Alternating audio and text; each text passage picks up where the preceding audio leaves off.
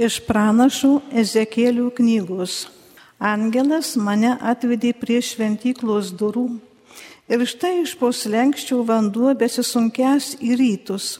Šventyklos mat priekis buvo į rytus. Vanduo nutekėjo dešiniaja šventyklos pusė priešais altorių. Paskui mane išvedė pro šiaurės vartus ir liepė man eiti išoriniu keliu prie laukujų vartų, kurie vedė į rytus. Ir štai vanduo bečiurilenas iš pietinės pusės. Vyriškis pasukęs į rytus su matavimo virve rankoje, atmatavo tūkstantį mastų ir liepė man žengti per vandenį. Vanduo tiesiekė iki kulkšnių. Tada jis atmatavo dar tūkstantį mastų ir liepė man eiti per vandenį.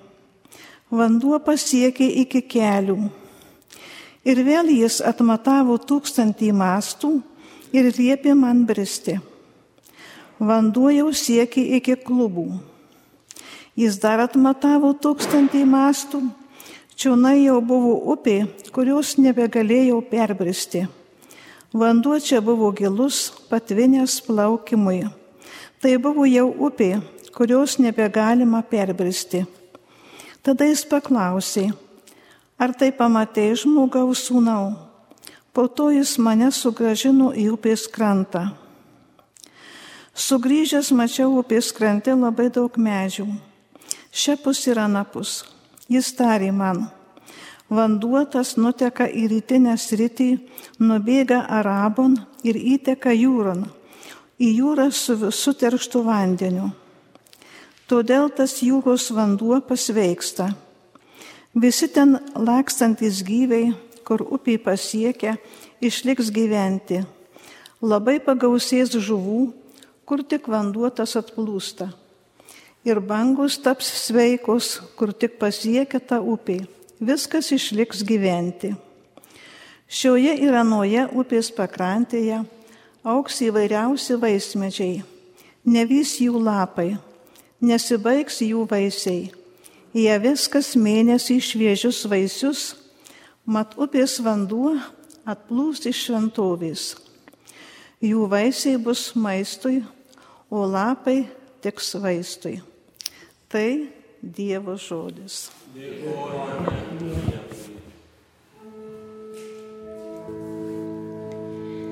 Su mumis dangaus kariuomenių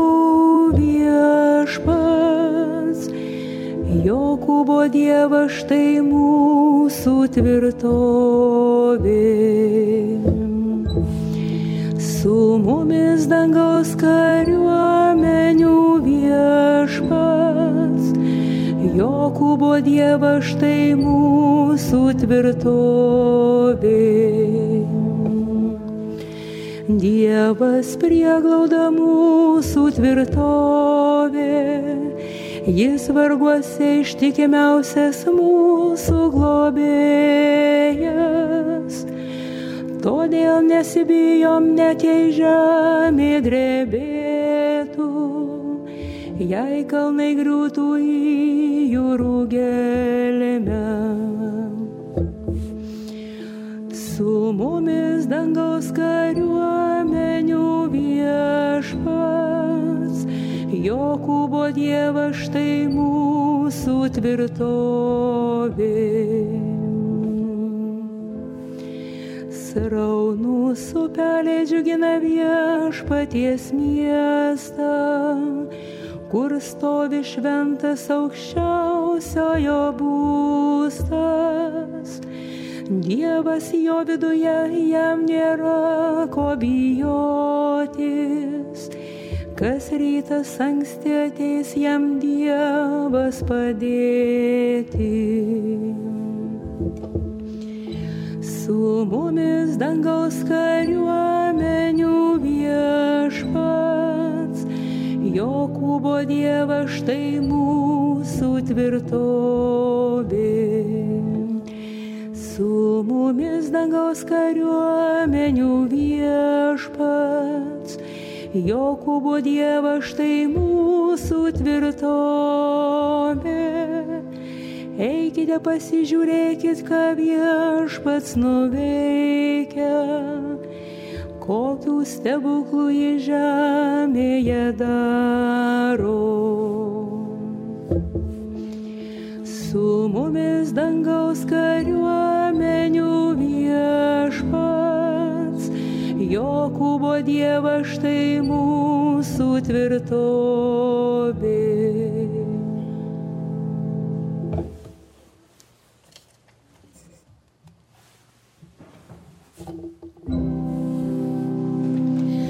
Garbė tau Kristau, dieviškas žodį. Garbė tau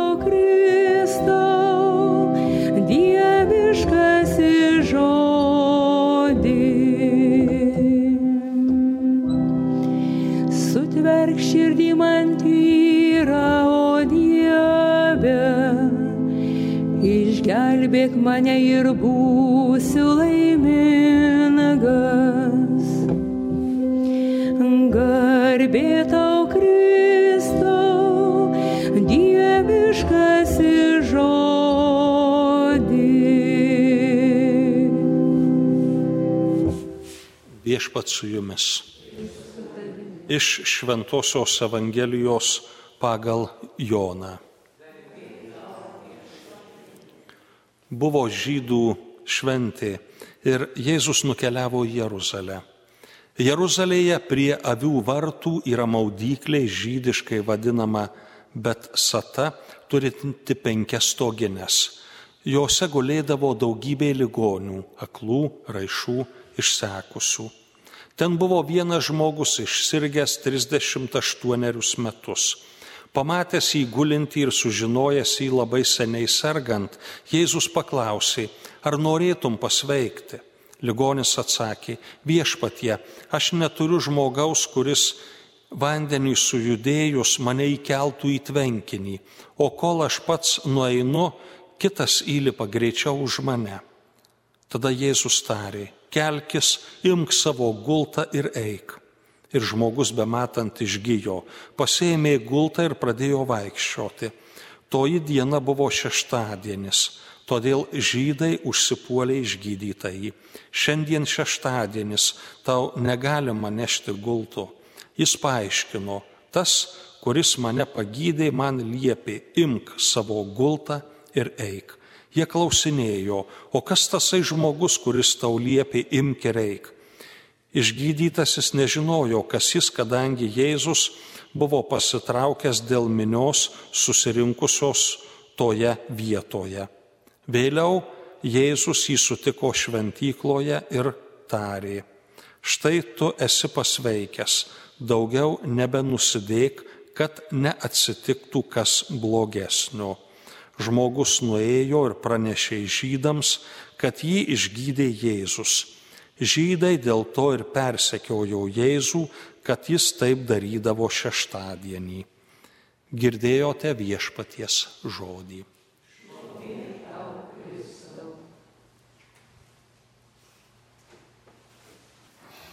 Evangelijos ištrauka mums pasakoja apie viešpati Jėzų išgydžiusi ligonį. Daug tų pasakojimų yra Evangelijoje. Tačiau visų ligonių viešpas Jėzus nepagydė ir visų lygų nepanaikino. Evangelijos žinia yra ta, kad ne tam atėjo į žemę, o dėl to, kad pagydytų žmogaus sielą. Ir tuose pagydymo aprašymuose kuriuos girdime arba skaitome Evangelijoje. Tai viešpats Jėzus ir sieja pagydymą su dvasinė sveikata.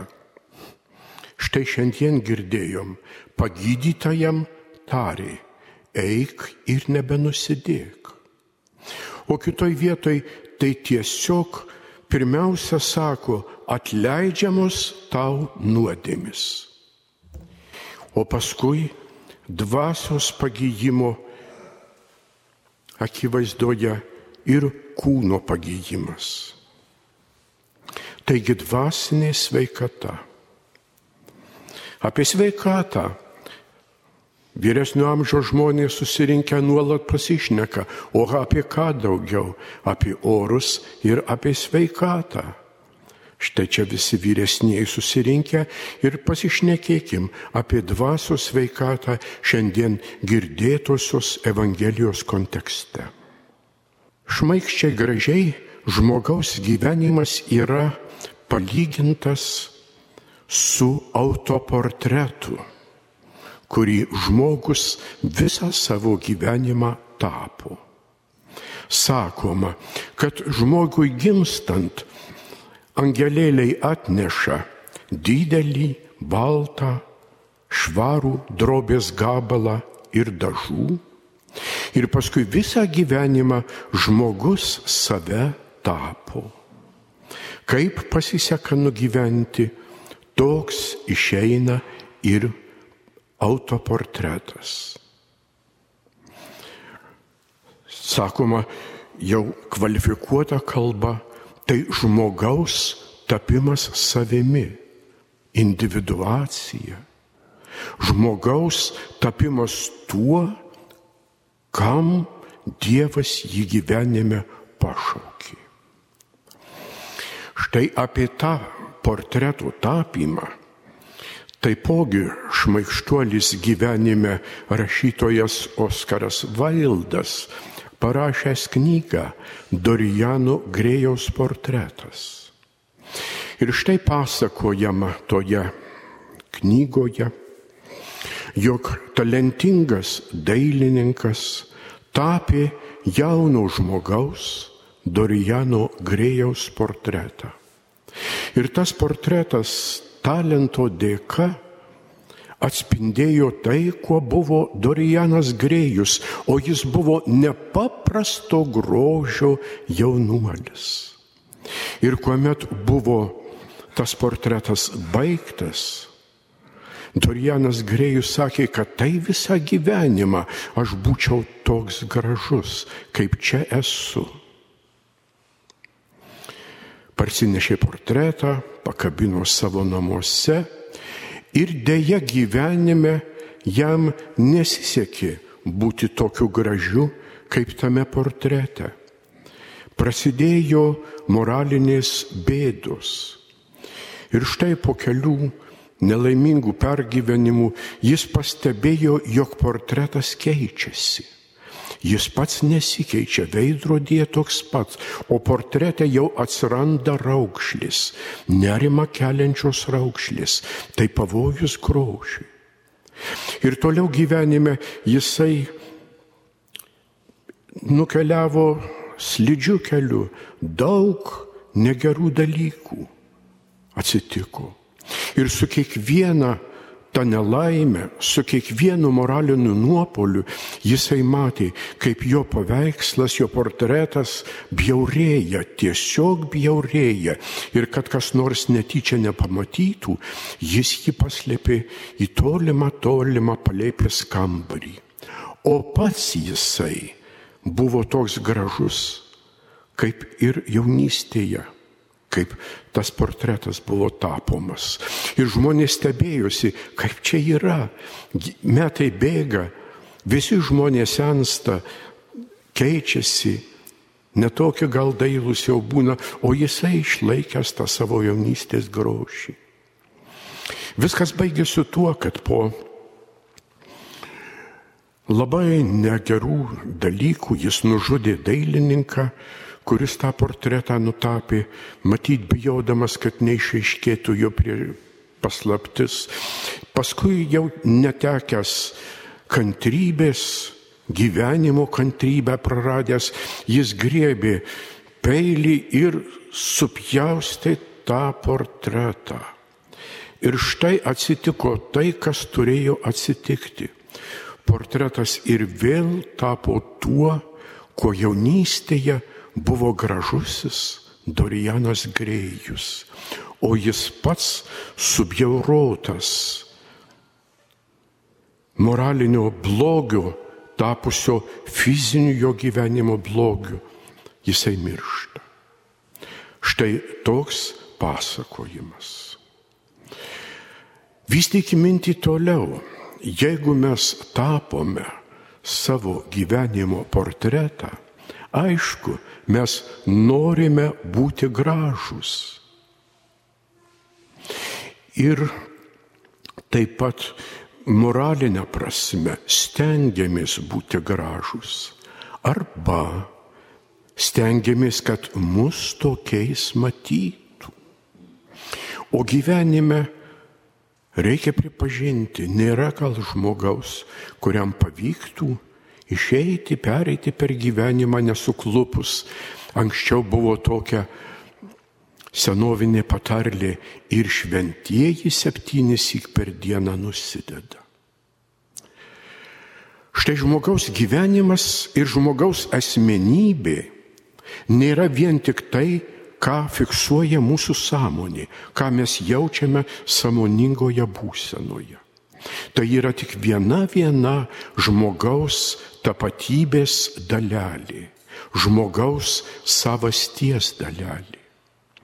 Toliau sapnai, toliau pasąmonė, toliau gelmės. Ir štai kaip mus moko psichoneurologijos mokslas, niekas kas nutinka mūsų gyvenime, niekas nedingsta. Viskas yra fiksuojama giliausiose gelmėse. Ten mūsų pasąmonėje yra toks kambarėlis, kuriame užfiksuojami ir nelabai geri dalykai. Žinoma, yra kambarėlis, kur geri dalykai fiksuojami. Žinoma, kambarėlis, kur mūsų paveldėta gimtoji nuodėmė ir ten viskas yra, viskas yra mumise. Ir štai jau pastaruoju metu plinta nuomonė, jog manimas, kad mirties akivaizda, žmog, akivaizdoje žmogus pamato visą savo gyvenimą, ta nuomonė yra teisinga. Ko gero taip yra. Nes filtras arba stabdis, kuris stabdo sąmonin ateiti tuos išgyvenimus blogus ar gerus, jisai amžinybės akivaizdoj atveria duris ir viskas sugrįžta.